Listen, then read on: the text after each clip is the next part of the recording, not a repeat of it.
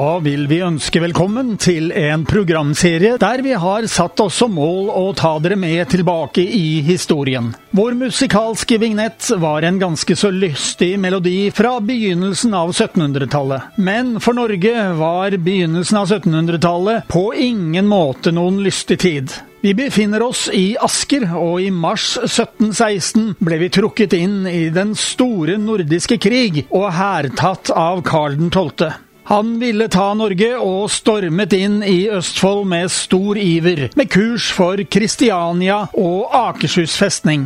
Bare han fikk tatt den festningen, så ville all motstand rakne og landet overgi seg, var hans plan. Akershus festning falt ikke, og den norske hær hadde etablert en forsvarslinje rett vest for Asker. Så nå får du derfor sette deg godt til rette, så skal du få den dramatiske historien som endte med at de karolinske dragonene til Karl 12. ble stoppet her i Asker og Lier-området.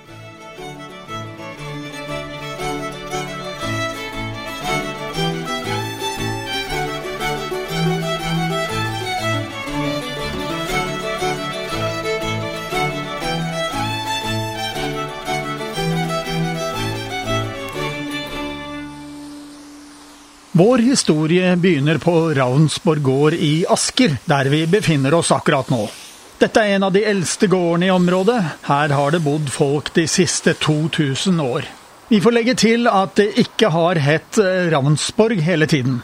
Det opprinnelige navnet var Jøssi, men omtrent på den tiden vi skal konsentrere oss om, ble gården Holmen skilt ut som egengård. For Jøssi var en storgård som strakte seg helt ned eh, fra det vi kaller Holmenstranda, bort til munningen av Neselva, og videre langs elva og helt opp til der gårdens jorder møter jordene til Hvalstad gård og Torstad. Det sies at gården hadde store jorder med god kvalitet på jorda, så det grodde godt der.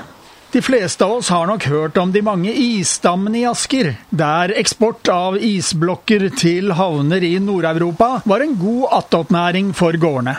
Noe som er like interessant, er at storgårdene langs Askelandet også hadde en saltproduksjon langs stranden. Salt var en svært verdifull ressurs, som eh, bl.a. Eh, konserveringsmiddel for mange matvarer. Og i noen land i Europa hadde salt omtrent gullverdi. Det var derfor viktig for skattemyndighetene den gang, som i praksis var kongen, å skaffe seg oversikt over saltproduksjonen til gårdene, og få skattlagt denne virksomheten. Jøssi, f.eks., før delingen til Holmen og Ransborg, hadde en samlet skatt på to skippund og fire lispund salt. Det høres ikke spesielt mye ut, men det utgjorde omtrent 344 kilo salt i året.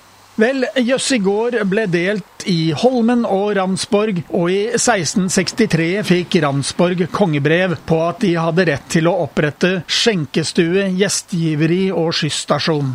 Da var Kongeveien mellom Kongsberg og Kristiania nesten ferdig. Bygningene på Jøssi, som lå nede i havnehagen på dagens Ransborg, var svært så forfalne, og nye bygninger på Ransborg ble bygget tett på Kongeveien. Det var et strategisk godt sted å legge en skjenkestue og gjestgiveri. Men her snakker vi mye om Kongeveien, men jeg lurer på hva det var. Det har jeg spurt museumsbestyreren på Asker museum, Fredrikke Hegnar von Obisch, om.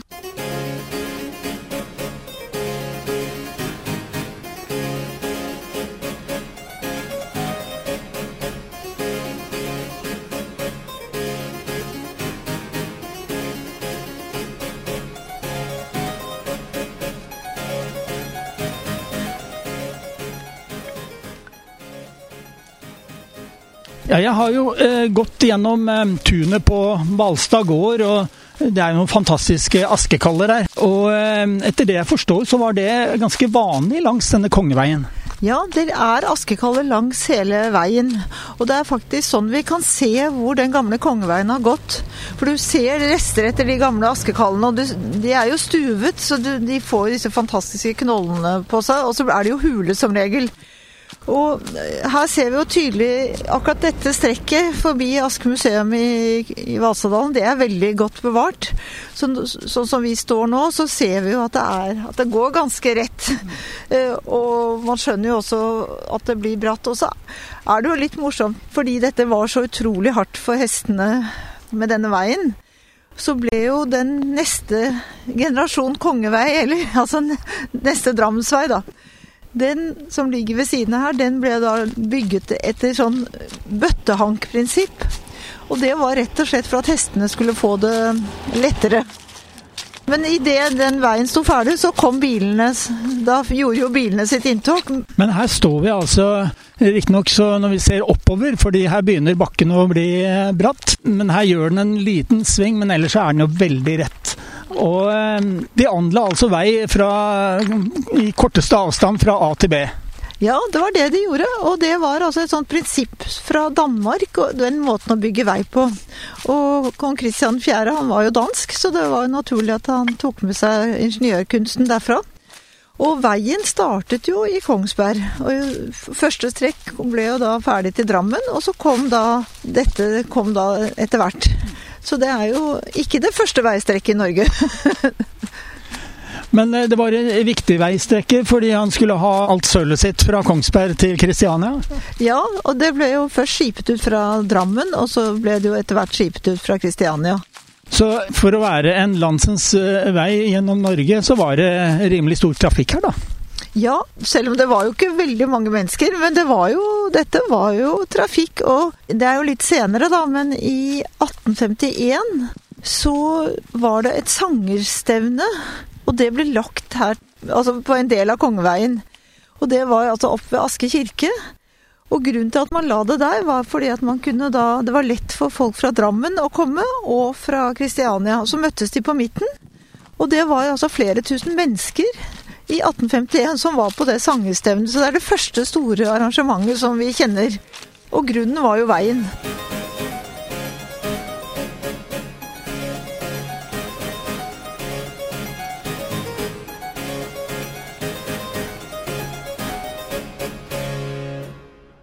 Ja, da er vi her på Ravnsborg gjestgiveri og skjenkested, Vidar. Eh, hadde vi vært her eh, i tidligere tider, eh, ca. 300 år siden, så kunne vi ha kost oss med litt bevertning. Men eh, i dag må vi altså eh, la oss beverte imaginært. Og vi som har god fantasi, har eh, faktisk tenkt å gjøre akkurat det.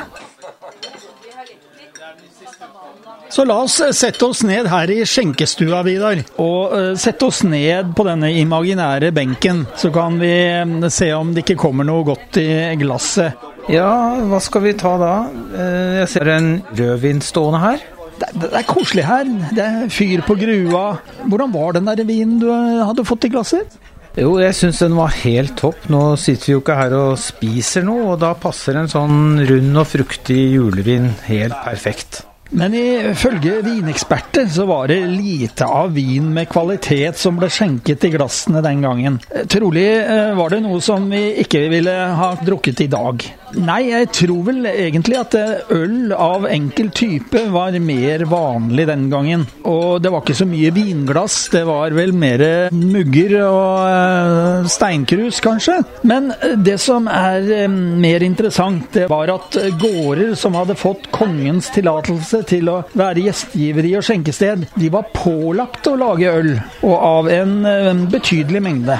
Og Fulgte du ikke pålegget, så kunne du miste gården til ja, halvparten til kongen og halvparten til kirken, så vidt jeg har fått med meg. Ja, det har du nok rett i. Det var nok relativt enkle måltider hvor de tok det som fantes fra skog og, og, og gård. Og maten kunne vel sikkert også variere litt med hvor god kokka var.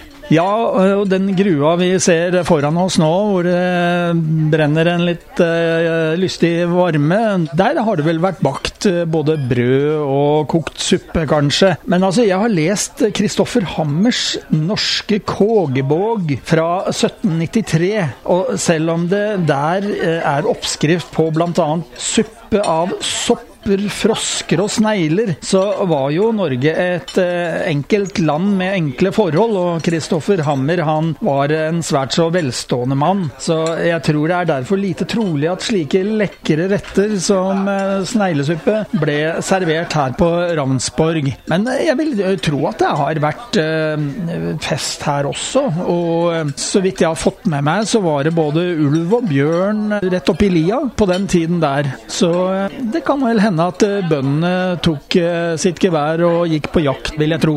Ja, det tror jeg nok. Men jeg tror nok også det var stor forskjell på om det var høy eller lav. For jeg tror nok eh, de som lå var nederst på rangstigen, husmenn osv., de, de hadde vel ikke lov til å ta så mye av det som fantes verken i skog eller, eller i mark. Nei, Jeg har eh, fått med meg at eh, noe som ble kalt for Nesøygodset det eide jo eh, veldig mange eh, av eh, gårdene og områdene rundt her i Asker. Ja, det stemmer vel. Jeg tror også de eide dette sammen med amtet. Altså, det var vel det som ville ha kalt fylket i dag. Når vi ser eh, si, gamle tegninger og, og, og, ser på en måte de delene av den gamle traseen, så skjønner vi jo at det kunne gå så veldig fort. Og da var jo en reise fra Kristiania til eh, Ravensborg det var en ganske drøy tur. Og da var det nok godt med noen forfriskelser og kanskje en matbit når man ankom dit.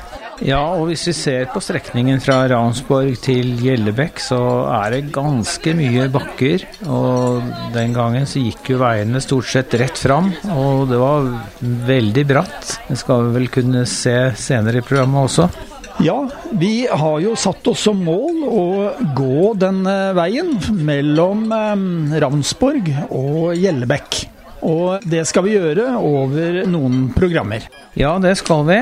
Og vi har studert uh, gamle kart. De eldste fra ja, rundt 1800, eh, eller før det òg, faktisk. Men hadde vi altså vært her for 306 år siden, og da snakker vi altså om 1715, eh, da hadde vi vært helt uvitende om dramatiske hendinger som skulle skje her et par måneder senere.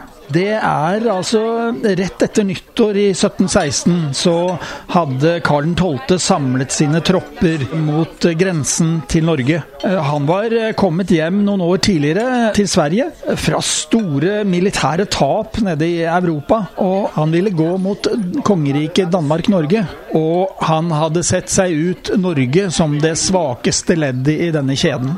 Så den 8. mars 1716. Da krysset han grensen til Norge med kurs for Kristiania og Akershus festning. Ifølge hans plan så skulle han raskt ta Akershus festning, for deretter å forflytte seg raskt til Bragernes og Kongsberg for å få tilgang til sølvgruvene der oppe. Og deretter så tenkte han at all motstand i Norge ville være over. Men ikke noe i denne planen gikk som Karl 12. hadde planlagt. Og Gjennom denne programserien så vil vi altså se nærmere på det som skjedde her på lokalplanet i Asker og i Lier.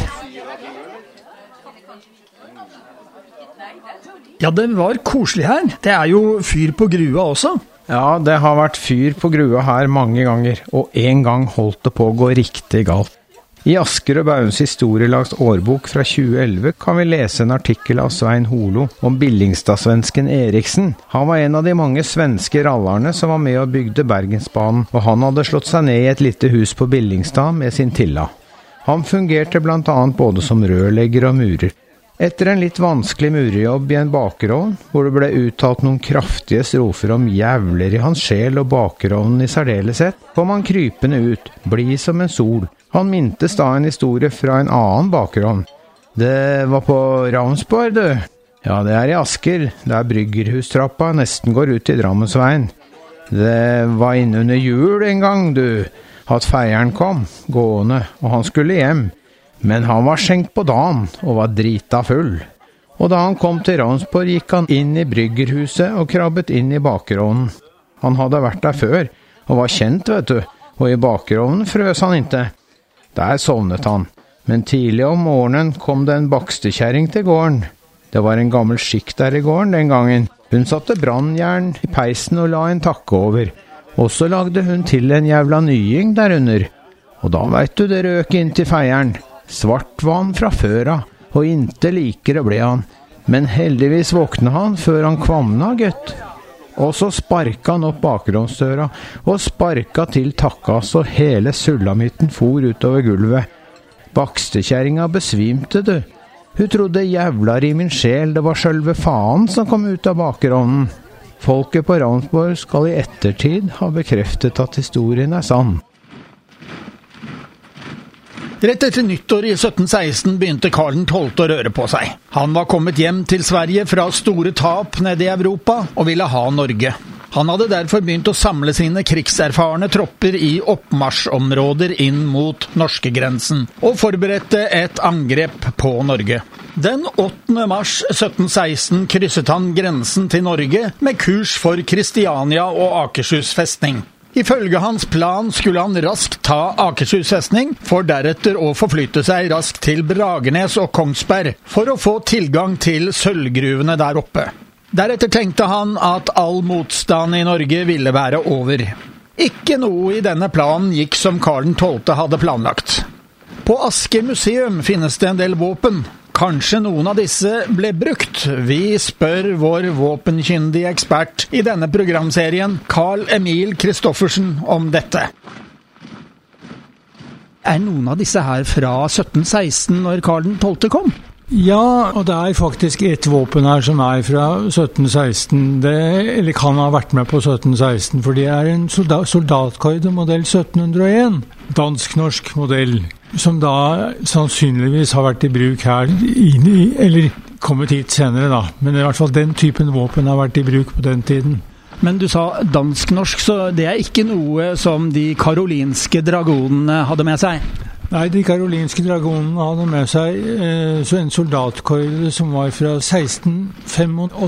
Og den var ca. 10 cm lengre i klingen enn den dansk-norske modellen. Så de hadde en stor fordel i, i så måte, da. Men de ble jo møtt av soldater med gevær, så hvordan eh, klarte de å skyte tilbake?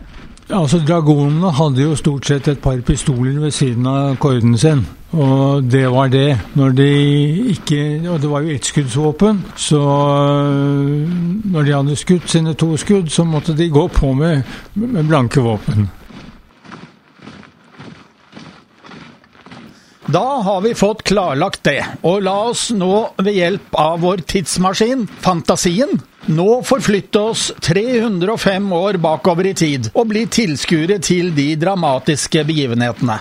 Ja, Vidar. Vi nevnte den 8. mars at da krysset eh, Karl 12. Eh, norskegrensen. Og allerede den 14. mars, da hadde altså Slottsloven, som øverste myndighetene i Norge het den gangen Det var ikke noe storting eller noe eh, regjering, men det var Slottsloven. De hadde da bedt rådmannen i Bragernes, som Drammen den gangen het, å klargjøre Gjellebekk skanser på åsen ved Tranby i Lier. Så hvor var nå Gjellebekk Gjellebekk skanser, eh, kan du eh, fortelle det, Vidar? Ja, de fleste har vel kjørt mot Drammen og så lagt merke til Liertoppen senteret. Hvis man da tenker seg skogen som da ligger på høyre hånd, hvis man tenker seg noen hundre meter innover der, så har du noen flate kollepartier. Og, og, der lå disse skansene. De ble bygget opp her, og i tilknytning til eh, Kongeveien.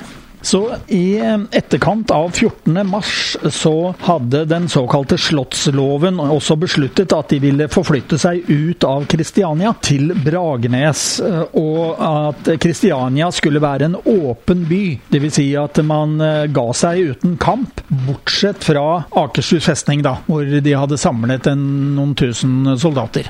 Øverstkommanderende for den norske hæren, generalløytnant Barthold Heinrich Lützow, han besluttet den 19. mars å sette inn 3000 soldater i forsvaret av Akershus festning. Samtidig sendte han 4000 fotsoldater og 1200 dragoner til Gjellebekk skanser. Vi snakker altså om en stor uh, troppeforflytning, som har da beveget seg langs denne kongeveien, for det var jo ingen andre muligheter. Nei, dette var nok øh, den enkleste veien. Det var jo sånn at uh, denne store troppeforflytningen langs Kongeveien, de måtte jo passere Ravnsborg. Og de måtte, passere Asker, Askergårdene. Så, så gjennom Asker eh, var det jo enorme ansamlinger av, av, soldater. Og du har vel vært soldat sjøl under førstegangstjenesten? Ja, det er noen år siden. Men det er klart det at denne forflytningen, da, den kan jo ikke ha gått upåaktet hen i befolkningen langs gårder og sånt nå. Og eh, de har jo selvfølgelig skjedd at dette er ufredstider. Og vil, jeg vil jo tro det at de har eh, prøvd å gjøre eh, forberedelser til det. Kanskje gjemt unna forråd, og, og kanskje dratt opp i skauen, i åsene med buskap, og, og prøvd å finne gjemmesteder som de kunne trekke seg tilbake til.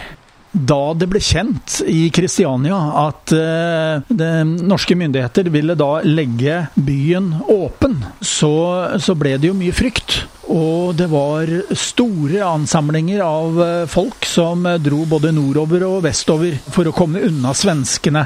Jeg vet ikke om de kom så langt som til Ravnsborg, men jeg vil kanskje tro at eh, det var masse som kom da ut i Bærum og prøvde å finne et husvære et eller annet sted. Ja, han kan vel, men han kan vel tenke seg at uh, de har prøvd å, å, komme til steder hvor de har kunnet søke ly. Og det er klart at det har jo vært begrenset hvor mange de kunne ta imot rundt omkring. Og, og man kan tenke seg at de kanskje har kommet så langt utover som her i Asker, forbi Ravnsborg og ut mot Ravnsborg. Ja, Nå står vi eh, faktisk midt over den eh, motorveien som heter E18. Rett eh, på nedsiden av Ramsborg. Og vi ser utover både motorveien, og vi ser faktisk restene etter Kongeveien. Som da, når vi kommer fra Kristiania, så går den over Neselva. På den gamle broa som finnes der nede fortsatt. Og så gikk den, skal vi si, diagonalt over der hvor traseen til motorveien er, og opp til Ravnsborg. Kan du se den? Ja, ja, vet du hva. Jeg syns jeg hører også at det er Her er det akkurat som det er noen mange føtter som går. Kan det være disse soldatene til hest? Ja, la oss eh, forflytte oss 305 eh, år eh, bakover i tid. Og eh, forsøke å bli tilskuere til de dramatiske begivenhetene som kom da over Neselva-broa og opp til Ramsborg. Og da snakker vi altså om rundt ja, mellom 500 og 600 svenske karolinske dragoner, som det blir kalt. Ja, og det må ha vært litt av ei skue. Du ser jo da der hvor Før motorveien så har de da kommet på skrå og til venstre opp der. Så det er bra vi står her i skogholtet og, og i denne dalsenkningen, for jeg tror ikke de kan se oss nå. Men det er et imponerende skue. Og ikke minst så eh, hadde nok eh, Jeg har i hvert fall lest det et sted at eh, den norske øverstkommanderende eh, for den norske hær, eh, Lutzov, han hadde altså lagt igjen noen eh, skiløperpatruljer på toppen her over Ramsborg gård. Det, går, det er en liten åsrygg her. Og der lå nok de og ventet på svenskene og skulle drive litt oppholdende strid, vil jeg tro.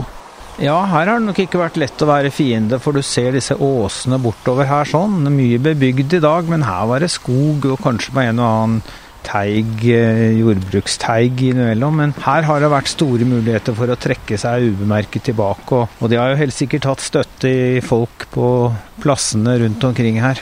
Og jeg har snakket med noen eh, militære, og de sier at eh, dette området mellom Kristiania spesielt og ut til Asker, og kanskje videre, eh, det er veldig interessant militært. Fordi Karl 12.s hær og hans dragoner de hadde som strategi å bre seg ut når de skulle gå til angrep, på linje, og angripe i full fart. Det er umulig i dette området, fordi det er så mange øst-vest-åsrygger, eller kanskje nord-sør, kan vi si, altså parallelt med Oslofjorden. Der går åsryggene fra Kristiania og utover gjennom Bærum og ut til Asker, slik at eh, en hær eh, blir da nødt til å, å, gå etter hverandre. De klarer ikke å danne formasjoner i bredden.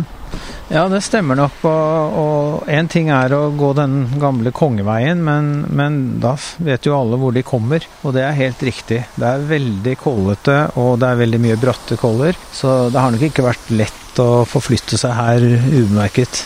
Og i mars for 305 år siden, da var det mye snø, skriver flere. Og eh, det førte jo til da at eh, når du kommer med hester, så kan du ikke gå noe annet sted enn akkurat på veien. Nei, det stemmer nok. Og, og, det er klart at de skulle vel ha med seg eh, en del ting også. Og, og hestene var jo helt avhengige av at de kunne gå på opptråkket sti vei. Jeg antar det var dårlig med brøyting den gangen. Ja, det må du regne med. Jeg tror det var mer tråkking. Men eh, da kan vi stå her, og så kan vi eh, eh se når svenskene kommer nærmere. Jeg syns jeg hører eh, tråkket fra hestene eh, ganske tydeligere nå enn i sted. Ja, nå eh, er nærmere seg Ravnsborg gård der. Og da er det godt mulig at eh, de norske patruljene begynner å skyte. Ja, du skal ikke se bort fra det. At øh, det skal jo ha vært, selv om det ikke er veldig mye som er 100% sikkert nedtegnet, så skal det ha vært øh, litt sånn bakholdsangrep. Altså gerilja, vil man kalle det i dag, vel.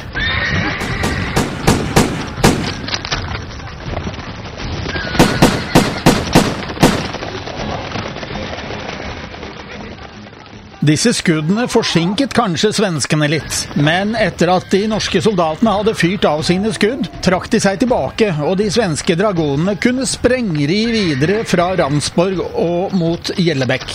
Før vi følger etter de svenske dragonene, lurer jeg litt på den svenske strategien. Vi spør vår militærkyndige ekspert Carl Emil Kristoffersen om dette.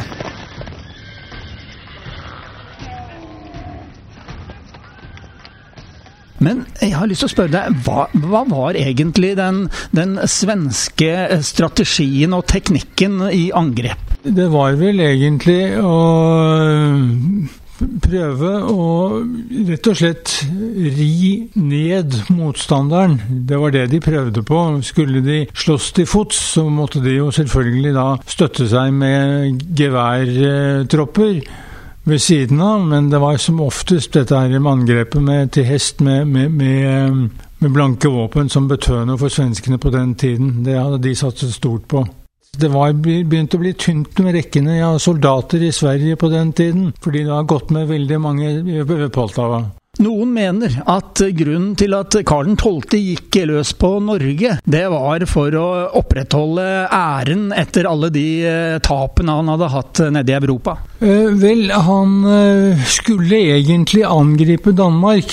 Men pga. isforhold og det ene med det andre, så fant han i siste øyeblikk ut at han i stedet skulle han gå mot Norge. Og det var litt uforberedt, hele felttoget. Men altså, han kom jo til Kristiania og beleiret Kristiania. Men han rakk jo aldri frem til den dansk-norske hæren som lå, på, lå i Lier, takket være Gjellebekk, da.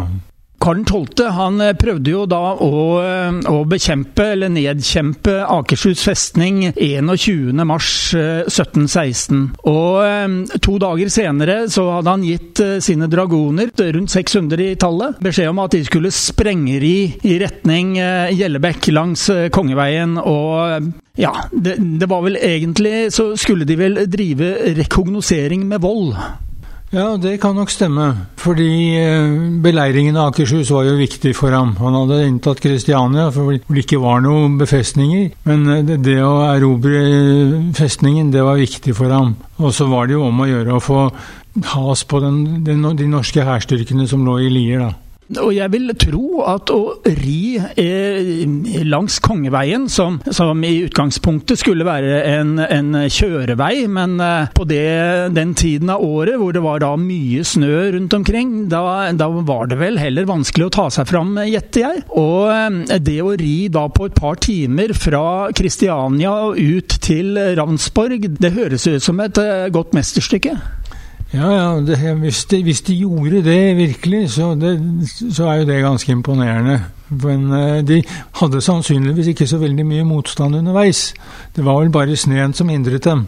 Og eh, så red de da eh, gjennom Valstad gård og, eh, og ut på, videre ut på Kongeveien. Og den går jo da noen få meter herfra hvor vi sitter nå.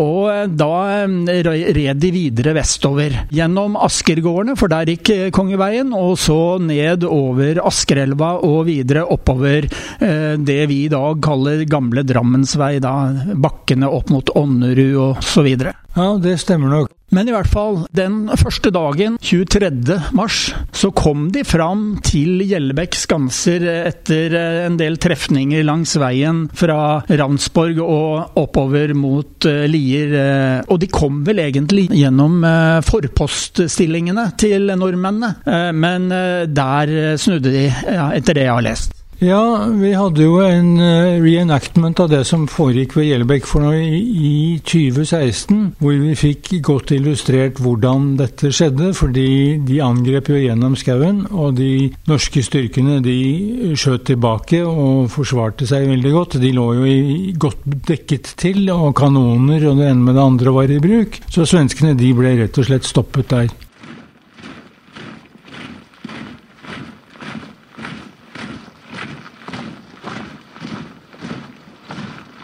Ja, Vi snakker altså om en stor troppeforflytning langs Kongeveien som gikk forbi Ravnsborg, her hvor vi er, og videre vestover gjennom Asker. Ikke det meste i våre dager, men på en smal vei som knapt kan kalles en kjørevei, med mye snø. Da kan jeg vel slå fast at det måtte ta tid.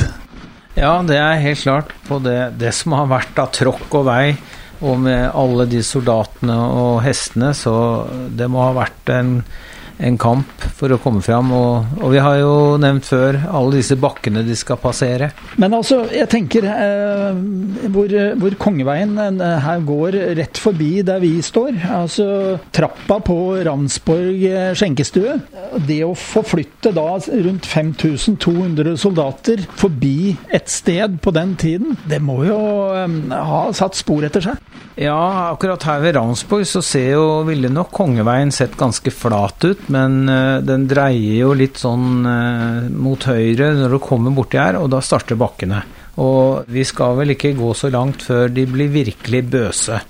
Og eh, de norske troppene på rundt altså 5200 soldater de passerte altså her hvor vi står, Ramsborg og også Asker, rundt 19. mars i 1716. Tilbake til eh, generalløytnant Lutzow. Han eh, visste at det fantes en bakvei til Bragernes. Den gikk via Heggedal og Røyken. Men dette smutthullet, det eh, var altså en vei med dårligere standard. Men Lutsov, eh, han mente at dette måtte tettes.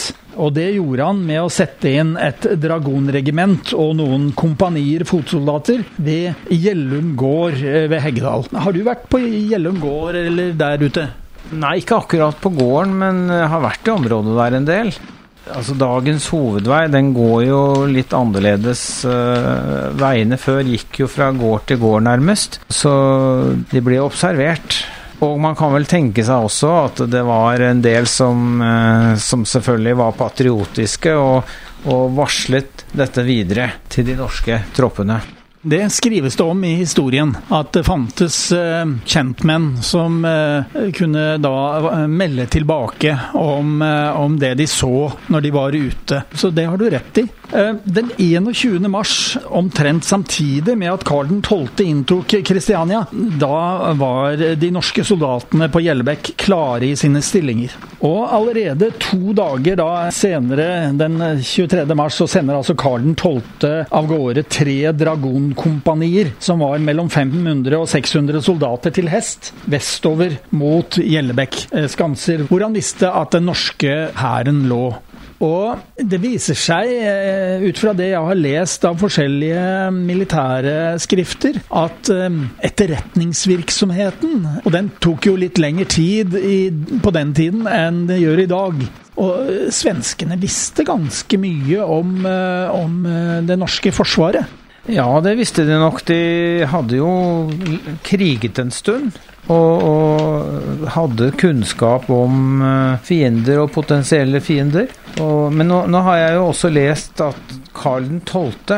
Han var veldig sånn bestemt, men han skal visst ikke ha vært noen stor taktiker. Men han hadde jo veldig stor makt over generalene og oberstene sine, så de var nok eh, sikkert litt stressa. Men i hvert fall, oppdraget til disse dragonene det var rekognosering med vold.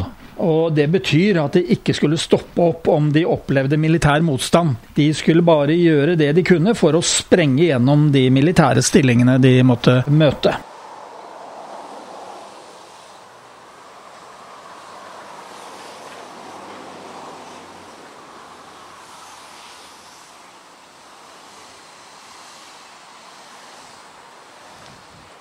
Ja, Vidar, du står her med et uh, gammelt kart i hånden. og La oss kikke litt på det. På kartet så, så, går altså Kongveien fra Ramsborg og i retning av Bruset gård. Uh, vi ser vel egentlig sporene fra der hvor vi står utenfor denne skjenkestua, og videre. Og, og den har vel uh, Ja, det ser ut som disse aske, askekallene, de har ført eh, veien ja, tvers over jordet. De er jo hogget, eh, de som sto på jordet, da. Eh, men, men så ser vi noen sånne spor igjen på andre siden av dagens kirkevei. Ja, det stemmer. Vi ser noen av disse askekallene som kan på en måte peke ut retningen den gamle veien har gått. Og man skal ikke lenger tilbake til min eh, når jeg gikk skoleveien like ved her, og jeg husker den gamle veien som på en måte gikk litt i samme faret. Det kan vi ikke se nå, for her går det en svær ny vei og underganger og infrastruktur. Men hvis, hvis vi beveger oss over den uh, hovedveien, så kommer vi jo bort til en rekke med askekaller. Litt vanskelig å si om den eldste veien har gått oversiden eller nedsiden her, men den må jo ha gått her. Nå er vi faktisk ved Rønsdal. Der de drev jo med forskjellig småindustri. Men nå nærmer vi oss Valstad gård. Og vi har Bruset gård opp til venstre her. Den ligger oppå en kolle, fint plassert. Men selve veien den går mer i retning Valstad gård, og da skal vi opp noen skikkelig kneiker. Så du mener du kan eh, følge, følge, disse askekallene videre for å finne ut av hvor Kongeveien gikk? Ja, altså disse askekallene kan jo bli mange hundre år eh, gamle.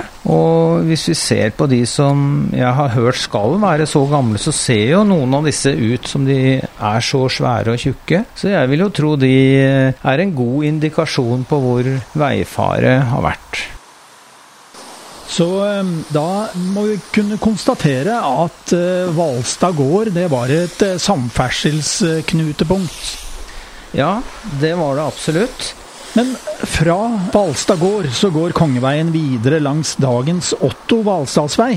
Og um, ifølge det gamle kartet du holder i hånden nå, så fantes det en liten uh, husmannsplass uh, først uh, som het Hvalstadhagen. Den lå øverst i det vi kan kalle Hvalstaddalen, hvor den jernbanen som vi da fikk først, gikk på Skandinavias største trebro. Ja, altså Valstadhagen lå nok en del lenger opp enn denne fantastiske broen. Og vi kan faktisk her også se rester av noen gamle eh, veifar, eller i hvert fall noen askekaller. For her har jo jernbanetraseen blitt vesentlig endret i ettertid etter den første banen. Og da har også veien blitt hevet, sånn at den ser helt annerledes ut i dag enn den gjorde eh, på midten av 1800-tallet og før det.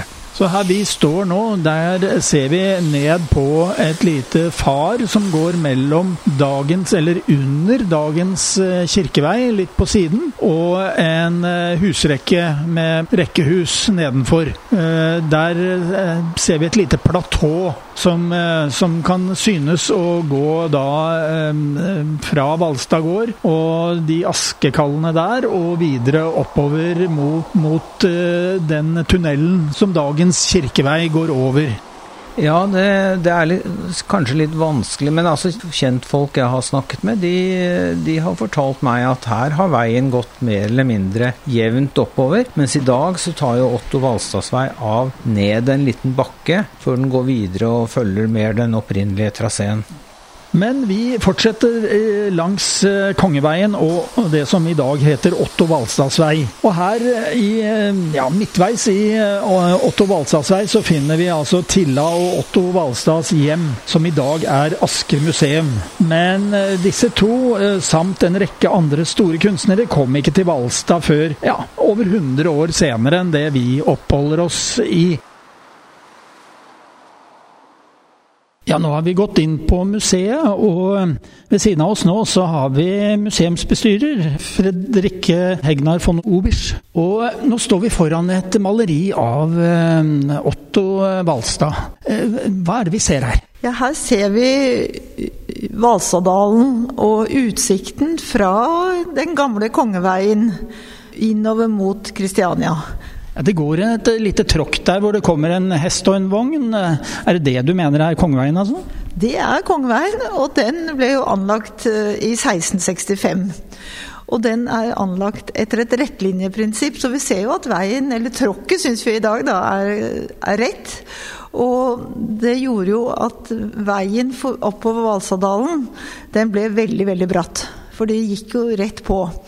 Og um, hestene med krigerne må ha en hard tørn med å komme opp fra Ramsborg og opp til den øverste husmannsplassen ved Skaugum, altså Bøssebakken. For der flater det ut litt? Der flater det ut, så det må ha vært en velsignelse å komme opp der og få utsyn den andre veien.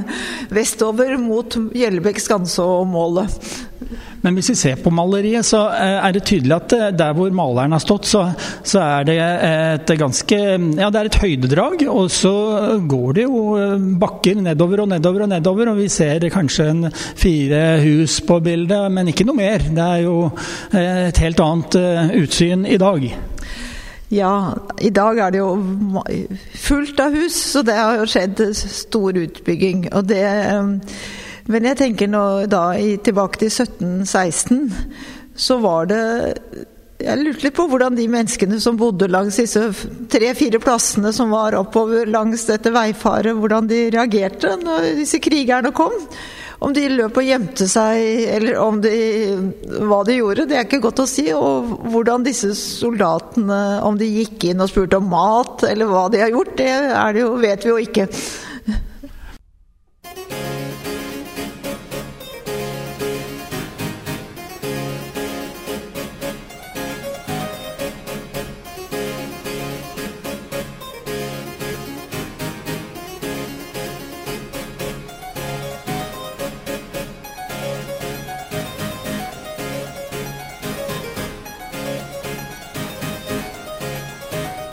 Mandagen den 23. mars i 1716 var det nok ingen svenske dragoner som hadde tid å stoppe på sin vei til Gjellebekk for å be om mat.